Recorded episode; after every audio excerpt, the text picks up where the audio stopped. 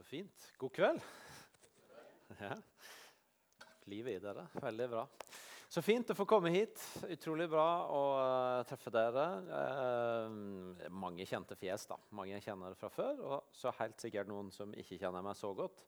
Så skal jeg bare kort si at jeg heter altså Egil og hører til vanlig til i Imi kirka i Stavanger. Gjort det de siste 16, drøye 16 åra. og ja, veldig, veldig, glad for det, og for at jeg og min familie får tilhøre der. Og så er jo noe av det gledelige med det også å kjenne at jeg hører sammen med dere her i Nordkirka på Vigrestad, eller Nordforsamlinga på Vigrestad. Nordkirka, Nordforsamlinga. Nordkirka, ja. Det er viktig å få det der rett.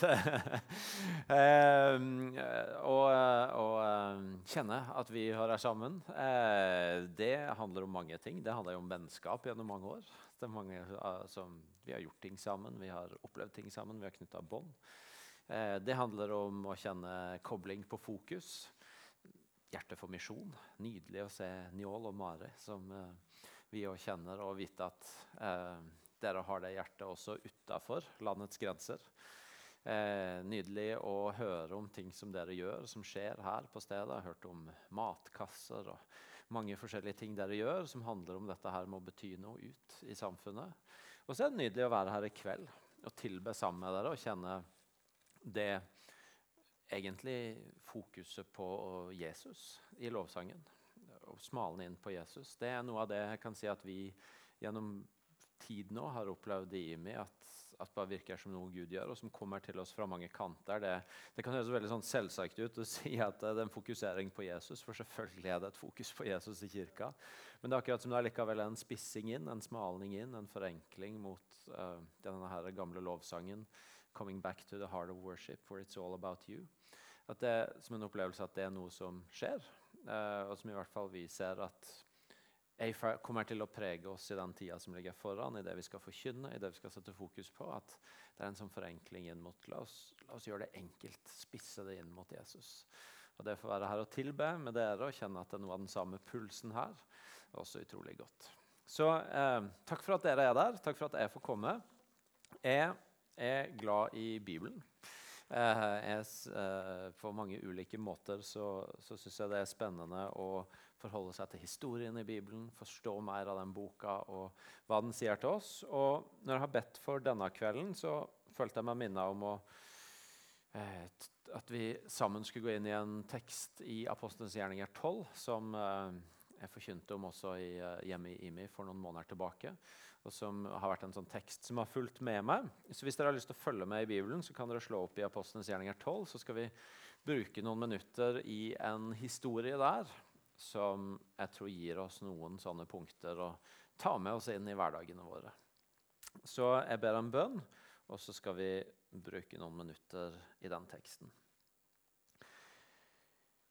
Kjære Jesus, takk for at du er her. Takk for at du er sentrum av virkeligheten. Eh, takk for at du er svaret på alt. Du er herre, og du er venn. Du er frelser, og du er kilden til alt liv.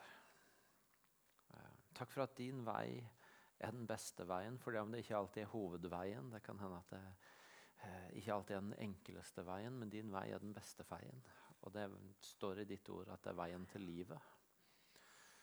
Og jeg ber deg om at gjennom det vi har tilbedt i dag, gjennom det vi skal se i ditt ord i dag, gjennom det vi får be for hverandre, gjennom det vi har fått tatt imot i nattverden i dag, at du skal bare ta oss lenger på den veien til livet. Til livet som du har for oss. Du sier om deg sjøl at du kom for at vi skulle få ha liv og overflod. Um, og det er noe vi trenger, det er noe denne verden trenger. Um, og ber deg om at dette skulle få være en kveld som tok oss bare lenger inn på den veien til livet. Så kom og tal til oss.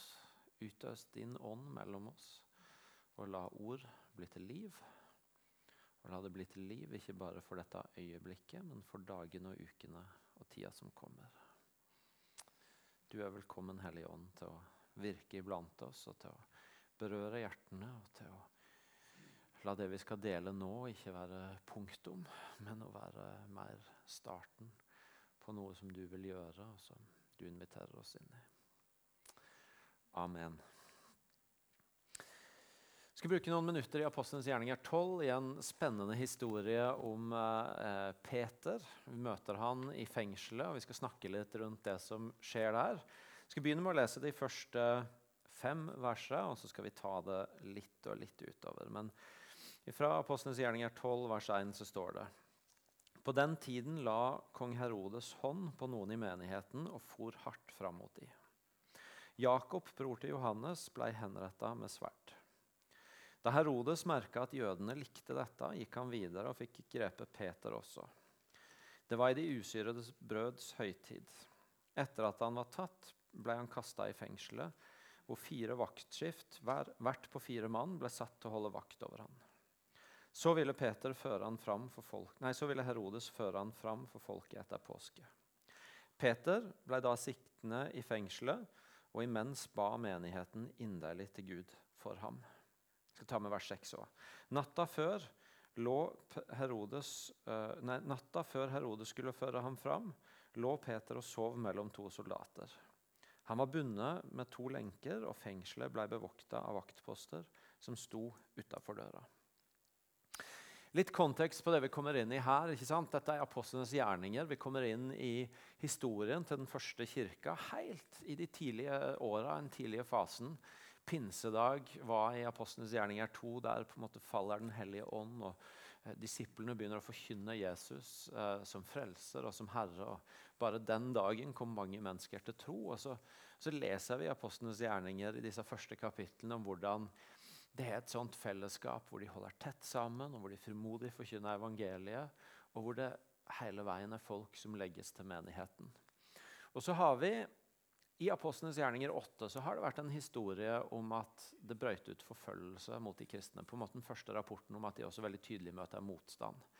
Eh, hvor eh, Stefanus, en av lederne, blir steina. Hvor det står at det, det brøt ut en forfølgelse som gjorde at dette fellesskapet som levde tett i Jerusalem og forkynte, og så mennesker komme til å tro der, det ble spredt utover mange steder. Og, og en litt sånn eh, de der paradoksene som du av og til finner i fortellinga om kirka og om Guds folk. At det som på den ene sida ser ut som noe vanskelig og vondt, nemlig at de blir forfulgt, at de blir skilt, at de blir spredt utover, det kan Gud vende til noe godt. Så det blir på en måte også til en misjonsbevegelse. Det at uh, de møter en motstand som sprer de, betyr også at de kommer mange nye steder og får forkynt. Og, og, og evangeliet sprer seg andre steder. Men når vi kommer til Apostlenes gjerninger 12, så skjer det noe nytt. Det er ikke nytt. De har opplevd forfølgelse før, men det som er nytt, det er at det er første gangen vi ser det fortalt, i hvert fall i, i, i historien, at, at, på en måte en, en, leder i samfunnet så tydelig velger å gå imot de kristne. At han på en måte fatter interesse for dem og velger å dype fatt i det og, eh, og, og yte motstand mot dem, eller forfølgelse. Det står at kong Herodes la hånd på noen i menigheten, og at han for hardt fram mot dem. Så vi skjønner at her er det ikke bare at liksom Jeg, jeg, jeg syns av og til at det kan bli litt sånn sterk ordbruk i Norge når noen begynner å snakke om forfølgelse i Norge i vår tid. I møte med noe av det en leser om her eller hører om i andre land hvor folk risikerer livet. Her, her snakker vi ikke liksom om kutt i statsstøtta på bibelskoler eller eh, noen sånne endringer i ordninger. Her står det at eh, han for hardt fram mot dem. Han var røff mot dem. Og i neste vers så står det at Jakob, bror til Johannes, ble henretta med sverd. Her er det kristne brødre og søstre som bøter med livet fordi kong Herodes på en måte eh, fatter interesse for dem og begynner å gå etter de kristne. Og så som det gjerne er en sånn dynamikk i når det er sånn politisk spill med ledere. og sånn, Når kong Herodes ser at ja, dette likte jo folk. De likte jo at han uh, tok disse her kristne litt, som har hatt så mye framgang, og som har spredt seg rundt, og som sikkert har skapt mange spørsmål. Så det står at når Herodes merka at jødene likte det, så gikk han videre og fikk grepet Peter også. Herodes tester ut først med en litt sånn lavere i hierarkiet. Og når han ser at det faller i god jord, så går han på kanskje den fremste av alle lederne i kirka på dette punktet, Peter, og, så, eh, og, og fengsler han. Og så ser vi at eh, Eh, Peter er fengsla, og etter påske så skal han stilles fram eh, for at det skal felles en dom. Og Det som klinger i bakhodet, det er jo at forrige mann som vi får høre om, som har vært gjennom noe lignende, han måtte bøte med livet. Så her er en av de fremste lederne, eller kanskje den fremste lederen i kirka, Peter. Han er i fengsel, og han venter en rettssak. Og det er all grunn til å tenke at her er livet hans i spill. Og når vi kommer inn, så kommer vi inn natta før denne rettssaken skal være. Natta før kanskje på en måte livet til Peter er i spill. Og Det første jeg merker meg, det er jo at uh, Peter han ligger og sover. Det syns jeg er fascinerende. Jeg har liksom lurt på Hva, hva handla det om? Hvorfor sover Peter? Det står at han ligger mellom han, to. Uh, altså han, han, er bundet, og han sover mellom to soldater. Det kan jo være jeg er fordomsfull, men jeg innbiller meg at de soldatene ikke lukta bare blomster. Så I seg sjøl tenker jeg at uh, det må jo ha vært litt uh, sånn ugunstige forhold. Og jeg er i hvert fall sånn som lett kan bli liggende litt våken hvis jeg ikke får ligge godt. Så hvordan det er å ligge bundet og likevel sove, det kan en jo òg undre seg på. Men mer sånn OK, i morgen handler det om livet ditt, og der ligger du og sover. Um, og i Bibelen så er det egentlig det er en del historier om folk som sover. og Noen av de er positive, og andre er ikke, ikke det. Uh, Jesus han, han, lå i båten og sov han når det storma rundt, og resten av gjengen trodde at det skulle synke. Og det at Jesus sover, det er et uttrykk for at han har fred, han har trygghet. Han er trygg på at han er passa på. Eh, profeten Elia, når han har på en måte flykta fra alt og alle etter å ha gjort store mirakler og så opplevd at hans liv er trua, og Gud møter han ute i ørkenen, så sier Gud til han, det første Gud sier til han, det er 'spis litt og sov litt'. Og det å sove blir, ut, blir, en sånn synliggjøring av at av og til så er det å ta vare på seg sjøl og sove litt og spise litt og komme til hektene det er noe av det mest åndelige du kan gjøre. Hvis det er det du trenger. Um, men når disiplene legger seg til å sove i Getsemane denne natta før Jesus ehm, eh, skal, skal for retten og møte sin dødsdom, så sier Jesus, 'Sover dere nå? Klarer dere ikke å våke med meg i denne timen her?' Så søvn i Bibelen er på en måte noen ganger et godt uttrykk for å hvile i Gud og for å finne fred i Han. Og andre ganger et uttrykk for at nå er det tid for å våkne opp. Nå er det tid for å skjønne hva som skjer her. Nå er det tid for å være med på. Og akkurat hvor Peter er i dette, og kanskje noen ganger hvor vi kan være når vi dovner litt hen, det er ikke alltid sånn ett svar på det. Eller det må en ha en varhet for i den enkelte situasjonen. Hvor Peter er her, det vet vi ikke, men det vi ser, det er at han sover, at han er ganske maktesløs. Han har ikke så mye han kan gjøre. Han er bundet, han er bevokta. I morgen kommer rettssaken. Kanskje han bare er signert. Jeg har ikke mer jeg kan gjøre. Jeg må bare vente og se. Og Tilsynelatende så kan det virke som at det er det som skjer. Men så, så skjer det noe annet her. Fordi at eh, mens Peter sover, så sto det i vers 5 imens ba menigheten inderlig til Gud for ham. Mens Peter er fanga, mens Peter ligger og sover, og enten det er av hvile i Gud eller av å ha resignert, gitt opp, det vet vi ikke, så er det noen andre som er samla et annet sted, og som ber inderlig for ham. Og de er, er, på mange måter i en posisjon hvor kan ikke gjøre så mye mer. De, de har ikke politisk myndighet. De har antagelig ikke økonomiske muskler, hvis det var en mulighet å ordne det på det vis. De, de har antagelig veldig få i seg sjøl, i sin egen kraft, handlingsalternativer for å redde Peter, sin bror og sin leder, i denne situasjonen. Men det de kan gjøre, det er å be. Og det gjør de. Det står at de var samla, og de ba inderlig for ham. Og så skjer det noe som er fascinerende. Med ett sto en engel fra Herren der, og et lys strålte i rommet. Han vekka Peter med et puff i siden og sa, Skynd deg å stå opp. Med det samme falt lenken av hendene hans, og engelen sa til ham, Bind beltet om deg og ta på deg sandalene. Da han hadde gjort det, sa engelen, få på deg kappa og følg etter meg. Han fulgte etter han ut, men han forsto ikke det engelen, at det som engelen gjorde, var virkelig. Han trodde det var et syn. De passerte første og annen vakt og kom til jernporten som førte ut til byen. Den åpna seg av seg sjøl. De gikk ut og fortsatte nedover den første gata. Der blei engelen plutselig borte for han. Peter kom til seg sjøl igjen og sa, Nå vet jeg virkelig at Herren har sendt sin engel og fridd meg ut av Herodes hånd fra alt det som jødefolket nå går og venter på. Utrolig fascinerende historie, syns jeg. Masse stoppe opp for her og bare litt sånn, nesten kose seg med historien. Eksempel. jeg vet ikke hvilket bilde dere har av engler, men jeg har, jeg har litt lett litt sånn salige bilder av engler. Så det der bildet av engelen som dunker Peter i sida. Liksom, Kom an, nå, våkne opp. Det er ikke sånn jeg egentlig venter at engler skal opptre. Jeg tenker mer at de synger litt og har litt sånn stråler rundt seg. og sånn. Men nei, kom an, nå, våkne opp, Peter. Og så er han veldig praktisk. Jeg tenker også, kanskje ikke sant, Vi har sett, hørt om englene på marken på julaften som synger 'Ære være Gud' i det høyeste. og sånn. Men her er det liksom Kle på deg, Peter. Ta på deg kappa di og sandalene dine og bli med med. Og Peter han skjønner knapt hva som skjer. Han er småsøvnig. og... Eh, og tror egentlig han er i et syn. Det er først når han er ute på gata og engelen har forsvunnet, at han skjønner oi, dette er jo virkelig. Jeg er fri. Gud har gjort det.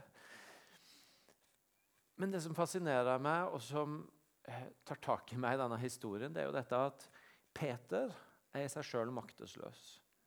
Han ligger mellom disse to vaktene. Han er bundet. Fangevokterne er både rundt han der og på poster utenfor. Menigheten, der de er samla, er i egen kraft også maktesløse. De har ikke noe redskap for å få han ut. Men så er de samla i bønn, og så gjør Gud noe som bare han kan gjøre. Og det har i hvert fall tatt tak i med når denne teksten har levd med meg en stund. Denne her invitasjonen igjen til eh, å be om det umulige å være utholdende i bønn i de situasjonene som ikke jeg har en løsning på, som ikke vi har en løsning på, som menneskelig talt ikke vi har ressursene til å fikse opp i, men som allikevel Gud har et svar på. Bønn er et utrolig stort tema. Vi kan snakke masse om det. Og Det er mange forskjellige vinkler inn til bønn. Dypest sett så ber vi alle mennesker hvis vi bare blir desperate nok. Enten vi bekjenner ei tro eller ikke, så tror jeg at dypest sett så handler det om hvor mye vi trenger det. Så har de fleste av oss en bønn i seg. Og så kan vi, Når vi har kommet til tro og bønn er blitt en del av livet vårt, så kan vi snakke om bønn fra mange forskjellige vinkler. Mange ganger så snakker vi om bønn i hvileposisjon. I hvert fall i denne kirka er en del av. Så, så har vi ganske mye fokus på det. Det er jo bønn som å så må bare finne hvile hos Gud. Eh, finne, finne, finne på en måte Hvile hvilepulsen, pusten, i møte med Han. Ikke, ikke, så fokus på alt han skal si, alt han skal gjøre, alt han skal gjøre, men bare det å vite at den er hans, og at den henter kraft der. Noen ganger så, så handler kanskje bønn bare om, om, om disse enkle ordene en, en har med seg gjennom dagen. Men så så er det dette her med den utholdende bønnen, den, den, kampen om du vil, som kan kjempes i bønn. Den kampen som kan kjempes når vi ikke har alle de andre våpnene og verktøyene til å løse en situasjon. Men, men det finnes en mulighet til å kjempe i bønn. Og jeg, jeg en del av ei huskirke, har vært det samme huskirke i mange år. Og, eh, og, og, det er utrolig mye, masse fint jeg kunne si om det. Men noe av det som, som er noe av det mest verdifulle vi etter hvert har sammen, ettersom vi har litt historie sammen, det er de kampene som vi har vunnet sammen i bønn. Det er noen ganger de tingene hvor vi er sammen en onsdag, og så forteller noen om noe som står på i livet, og som de ikke vet helt hva de skal gjøre med, eller som er utfordrende. Og så ber vi, og så kommer de neste onsdag, og så sier de Og så skjedde det og det. Og så ble det et vitnesbyrd. Men det er også de tingene som vi har bedt om gang etter gang etter gang, kanskje over flere år. Og så endelig så kom det et gjennombrudd. Endelig så skjedde det noe. Og så blir det en sånn enda rikere vitnesbyrd fordi vi veit at her har vi sådd så lenge i bønn. Um, jeg tenker på de folka i kirka vår som, som, jeg har observert nå, som har vært der i mange år, som, som, som, kommer søndag etter søndag, og som jeg, jeg, vet veldig godt at det er faser i livet de sitt hvor, hvor, de ikke får med seg så mye av det jeg står og sier fra talerstolen. Men jeg vet at de kommer fordi at uh, på slutten av hvert møte så er det forbønn. Og det trenger de å gå til for et eller annet de bare bærer på. Det kan være en sykdom, det kan være en situasjon i familien. Som, som, som kommer på bønn- og lovsangsmøtene våre tirsdag etter tirsdag ikke fordi de har så mye å gi alltid, men fordi de vet at jeg bare trenger å være der. Fordi det er noe jeg ikke har noen løsning på. Jeg trenger å være et sted hvor det blir bedt for. Um, foreldre som i mange år bare holdt barna sine oppe i bønn. Ikke sett en endring fra uke til uke. Ikke hatt en sånn konklusjon på at Nei, nå, nå, er de tilbake igjen på, på, veien Gud har for dem. Men de har gjerne et løfte, de har gjerne et ord Gud har gitt. Og så beholder de det. Har en historie hos oss nå med, med en som akkurat nå er på vei inn i en ny tjeneste hos oss, som lenge ikke var Han har vokst opp i kirka vår. Mange år var han ikke der i det hele tatt. Og så har mora bare holdt fast at Gud har vist meg noe han skal gjøre. Og akkurat i disse dager så har han, etter å ha vært en god stund tilbake i kirka og en god stund gått med Gud, men vært helt sånn stengt for tanken på å gå inn i den tjenesten, så kommer han plutselig og sier Nei, det er akkurat som Gud har gjort et eller annet i livet mitt. Nå er jeg klar. Og så er det det ordet som denne mora kanskje har holdt opp i 20 år i bønn. Det, det, det, tre, det skjer noe med henne. Når jeg ber med barna mine hver kveld, så, så, kan jeg noen ganger rive meg i håret over en del av de tinga de vil be om, og tenke Kom an, løft blikket, folkens! Trenger jeg ikke bare å be om at vi skal vinne fotballkampen i morgen, eller at det blir fint på ridetimen, eller at du får ri med den hesten, eller Kom an! og så er det fint det òg, da, at de tar med seg Jesus inn i hverdagen. ikke sant? Men så, så er det allikevel noe med at det er noen ting som vi bare har bedt for kveld etter kveld etter hvert nå i flere år. Som jeg bare tenker, jeg gleder meg til vi skal få feire den seieren sammen. Um, og ha det som en del av vår vandring. At det der sådde vi i bønnen igjen og igjen. Og så har vi den fortellinga. Jeg tror at en invitasjon i denne teksten her, det er litt sånn Hva er de umulige tinga som du skal få be inn i? Som du skal få holde fast i bønn, være utholdende i bønn. Det kan være situasjoner i ditt eget liv, i familien din, det kan være barn. Eh, barn eller andre familiemedlemmer. Det kan være ting i, eh, i, i, i samfunnet her, ute på Vigrestad. Ting, ting, som handler om menigheten her, eller om, om Guds rikes sak i bygda her, eller på stedet her. Det kan være for landet vårt. Det kan være jeg merker at Noe av det som har gjort noe i mitt hjerte det siste året, det har vært å møte en del av disse eh, brødrene og søstrene i andre land som lever uten trosfrihet, og som egentlig lever med livet som innsats. Og være med å be for dem. Det kan være ganske mye forskjellig, men hva, hva er det som ligger på ditt hjerte, som du skal få være med og være sånn utholdende i bønn på? Hvor du ikke har ressursene sjøl til å fikse det. Hvor det ikke bare handler om å legge en god plan og følge den, men hvor det er litt sånn Gud, du må gjøre noe. Akkurat som denne menigheten var inderlig samla i bønn, og så eh, blir Peter til slutt satt fri. Så er det jo en annen side ved dette. fordi Det er lett for oss å gå inn i denne historien og sette oss i menighetens sted. De ba for Peter, og han ble satt fri. Men så er det jo noe med Peters situasjon her, da, der han er i lenker. og Han er bevokta, og han, han har egentlig ingen redskap for å bli satt fri. Og dypest sett så kan du si at den situasjonen Peter i, det er jo historien om oss og om evangeliet. At dypest sett så, så er vi alle i lenker. I oss sjøl, i møte med Gud, i møte med livet, så har vi ikke på egen hånd mulighet til å finne frihet. Men vi er helt avhengig av at Gud griper inn i vårt liv og setter oss fri.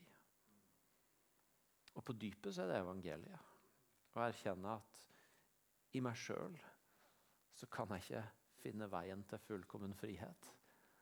Men det er bare hvis han griper inn i livet mitt. Men det er også noe med å sette oss sjøl i Peters situasjon og spørre er det noen lenker i mitt liv som jeg trenger å bli satt fri fra, og som ikke, som ikke jeg kan fikse på egen hånd. Men hvor jeg kanskje ikke bare trenger å be, men jeg trenger å invitere noen andre inn. På samme måte som Peter hadde en menighet som var sammen og inderlig ba for han. Er det noen lenker i mitt liv? Er det noen ting hvor jeg bare er fanga? Og jeg trenger egentlig å gjøre meg sårbar og si jeg trenger at dere ber for meg. Dette mønsteret, dette fangenskapet, denne bindinga i livet mitt, den finner jeg ikke veien ut av sjøl. Når gjorde du deg sist sårbar for noen av dine brødre og søstre? Når delte du i huskirka eller småfellesskapet eller til forbederen på gudstjenesten, eller bare til kameraten, familiemedlemmet? Noe som var sårbart, men som inviterte noen andre til å være med inn i det som du er bundet i. Der hvor du trenger frihet. Brené Brown, som har snakka mye om det med å våge sårbarhet. Hun sier jo det at uh, vi kan imponere folk med det vi kan, men vi kobler med folk når vi tør å være sårbare.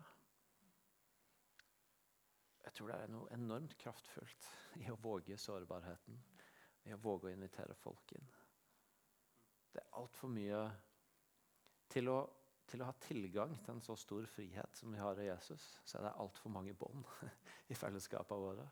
Jeg tror det handler mye om at vi ikke helt tør å invitere inn og si jeg trenger at dere hjelper meg å finne veien til frihet. Jeg trenger at dere ber med meg for å komme fri fra disse lenkene.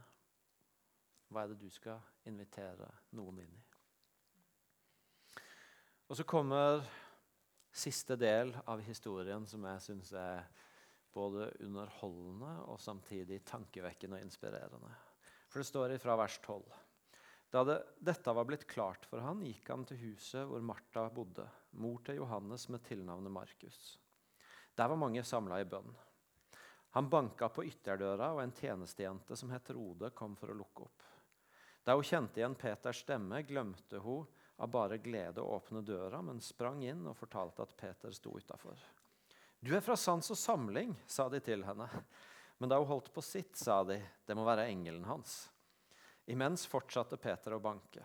Da de åpna og så han, ble de ute av seg av undring. Han gjorde tegn med hånda at de skulle være stille, og fortalte hvordan Herren hadde ført han ut av fengselet. Og han sa, 'Fortell dette til Jakob og brødrene.' Så forlot han de og dro til et annet sted. Dette er jo bare så fascinerende. Her har de vært samla i inderlig bønn for Peter, denne lederen og broren som er i fangenskap, og som står foran en rettssak hvor han kan risikere livet. Og så, så, griper Gud inn, og han blir satt fri. Peter blir satt fri, og Peter strever først sjøl med å skjønne det. Han tror han er i et syn. Og det er liksom når han står der ute og er vi våkne, at oi, ja, dette er jo virkelig. Så går han jo til gjengen da, som er samla for å be. Og for det første hun som kommer for å åpne, hun blir så forfjamsa av at han er der at hun glemmer å åpne opp for han. Og når hun går for å fortelle hvilken stemme hun har hørt, hvem som er der, så er den umiddelbare responsen nei, du har mista det. Det kan jo ikke være Peter. Og når de skjønner at ok, hun mener alvor, hun har ikke bare fått et påfunn, så er det nei, men det må være engelen hans. De har bedt for det, de har vært samla inderlig bønn for det, men når det faktisk skjer, så strever de med å tro det. Det er lettere for dem å åndeliggjøre det og si sikkert en engel, enn å tro at Peter faktisk står der, at Gud faktisk har grepet inn. Jeg tenker Det er en fascinerende utfordring for oss når Gud gjør noe, og når noe skjer. Og utfordre oss sjøl litt på hvor åpne er vi for å ta det imot. Eh, hvordan møter vi historier om det Gud gjør? Hvilken holdning har vi i møte med det? Hvordan åpner vi oss opp for det? For noen måneder tilbake så begynte det å komme rykter om noe som skjedde på et universitet i USA, Asbury. Eh, det hadde vært en helt vanlig lunsjbønn som et, han, han, har sagt det sjøl, så det er ikke jeg som disser han, en, en sånn studentprest der som skulle ha en andakt. og Han sa han hadde vært lat og forberedt seg dårlig, så han holdt en helt sånn middels skoleandakt. Men når han var ferdig, så sa han at hvis noen vil være igjen og be, så, så gjerne det. Og så blir noen igjen og ber, og så går de andre til timene sine. Men når de kommer fra timene, så begynner de å høre at ja, men de er jo fortsatt sammen der og lovsynger og ber. Og så fortsatte et eller annet som som bare varte i mange uker, helt til de sa nå må vi, nå får vi ha skole igjen. Så vi, de, de stoppa det og sa vi skal heller sende det ut. Men, men, hvor mange mennesker ble møtt av Jesus på ulike måter. Eh, alt fra syndenød til at Gud grep inn i livet på ulike vis. Det kom folk fra mange forskjellige steder. Og plutselig så ser du at her i Norge at VG har det på fronten sin om alle disse folka, om dette som skjer som Jesus gjør på et universitet i USA. Plutselig så åpner det NRK radioappen, og en av mine favorittpodkaster der oppdatert. Og midt imellom historier om Putin og eh, TikTok og forskjellige andre ting, så står det om denne vekkelsen på et universitet i USA. Så leste bare Pete Greig, en uh, fantastisk leder uh, i kirka som, som har starta 24-7 Prayer, hvis noen har hørt om det. og som, uh, som skrev noen tanker på Facebook om dette. her. Han skrev fritt oversatt til norsk fra meg. for det første, som ofte har blitt sagt, når det kommer til rapporter om vekkelse, så vil jeg mye heller være godtroende enn kynisk. Som Gamaliel sa og så siterer han fra Apostelens gjerninger 5, hvor Gamaliel sier at eh, hvis dette er fra Gud, så kan han ikke stoppe det. Og er det fra mennesker, så vil det ikke bli noe av. For det andre, vi trenger dette. Det som skjer på Asbury, er ikke alt, men det er noe. Og akkurat nå så trenger vi noe som kan ryste systemet vårt, sånn at denne generasjonen kan oppleve for, for seg sjøl den livsforvandlende kraften til Gud. Vi trenger omvendelse og hellighet. Vi trenger den type utgytelse av ånden på studiesteder og andre steder som kan sette en ny generasjon, utruste en ny generasjon til å forkynne evangeliet med større eh, frimodighet, bekjempe urettferdighet med større målrettethet og eh, forvandle samfunnet med større intelligens. Siste månedene har det kommet rapporter om at det skjer et eller annet noen timer borti her, på Vigeland. Hva er det? Noen har lyst til å diskutere er det rett å kalle det vekkelse eller ikke. Jeg vet ikke, samme det, men Gud gjør noe. Jeg har hørt masse om Descend her nå. Ja, er det bare en svær samling? Ja, i hvert fall så er det vet jeg om mennesker som går med et misjonskall etter at det var i fjor. Jeg vet om ungdommer som hadde sine første radikale møter jeg velger å være forventningsfull etter det som skal skje den 10. juni. Det går an å være litt sånn avmålt, litt forsiktig. Ja, forvente å se. Det går an å si ja, det virker som Gud gjør noe en del steder nå. Og møte det åpent. Det er et eller annet med det å utfordre seg litt på hvordan tar vi imot rapporten om det Gud gjør. Jeg vil heller være godtroende enn kynisk, sa han. Denne gjengen her, de satt og ba. Og når bønnesvaret kom, så glemte de å åpne døra. Det kan vi godt la oss utfordre litt av. Så denne teksten her, den har i hvert fall talt til meg om hvem ber du for? Hva ber du for? Hva er det du er kalt å kjempe bønn for? Men også hva er det du gjør deg sårbar med? Hvilke ting i ditt eget liv er det du fortsatt går med lenker du kanskje trenger frihet fra og må invitere noen andre inn i? Og ikke minst, hvordan åpner du deg opp for det Gud gjør? Og sikrer at du ikke beholder døra lukt når rapporten kommer, men åpner den opp og tar det imot. Så Det var det jeg hadde lyst til å dele med dere. Um, og så har jeg lyst til å be litt. Og så I lovsangen nå så bare spurte jeg Hellig Ånd er det noen sånne noen kunnskapsord, noen konkrete ting som, som, du har lyst til å berøre noe på i kveld. Og da, De to tingene jeg fikk, og dette her er alltid sånn gå i tro, vet ikke alltid om det stemmer, men det ene var skade i en hofte. Og det andre var en helt akutt situasjon nå med noen barn. Um, så hvis det er du, hvis det har noe med ditt liv å gjøre, så tror jeg det er forbønn her. Forbedre. Så bruk forbederne nå etterpå. Uh, gjerne for andre ting. Gjerne for situasjoner du har blitt minnet om, men også hvis de to kunnskapsordene møter deg. Så ikke mist anledningen til å la noen be inn i de situasjonene. Skal vi reise oss opp, og så ber vi sammen. Gode Far, takk for at vi kan få komme til deg med alt, og for at i ditt rike så er ingenting umulig. Og der hvor vi kan kjenne oss i lenker, eller hvor vi kan vite at vi har ikke svaret, så er alt mulig for du. Og Derfor så takker jeg deg for denne invitasjonen inn i utholdende bønn. Inn i å la bønnen få være et sånt sted for å se det umulige skje.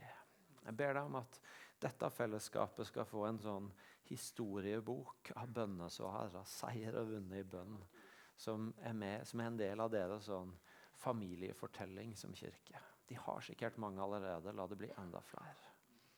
Men la de få være et fellesskap hvor bønnen er en sånn naturlig del av svaret på de umulige utfordringene som kommer. Men så ber jeg deg også om sårbarhet og om tro på at du kan sette oss fri fra lenkene våre. Om at det å være åpen om bånd, om bindinger, om lenker i eget liv ikke er et nederlag, men det er et steg på veien mot frihet. Bygg et fellesskap. La oss få være brødre og søstre som, eh, som, som inviterer hverandre inn, og som får se nye nivåer av frihet fordi du setter oss fri fra lenker. Så la oss få være ei kirke. Jeg snakker om kirka med stor K. Som tar imot det du gjør for. Som ikke blir sittende med døra lukket. Som ikke syns det er lettere å finne bortforklaringer enn å ta imot det som kommer. Enten det skjer i Asbury, eller på Vigeland, eller på The Send, eller bare helt stille og rolig, men allikevel eh, omveltende her på Vigerstad eller andre steder rundt oss. La oss få ta det imot, far. La oss få ta det imot. Gjør oss åpne i hjerter og i sinn for det du vil gi oss. Amen.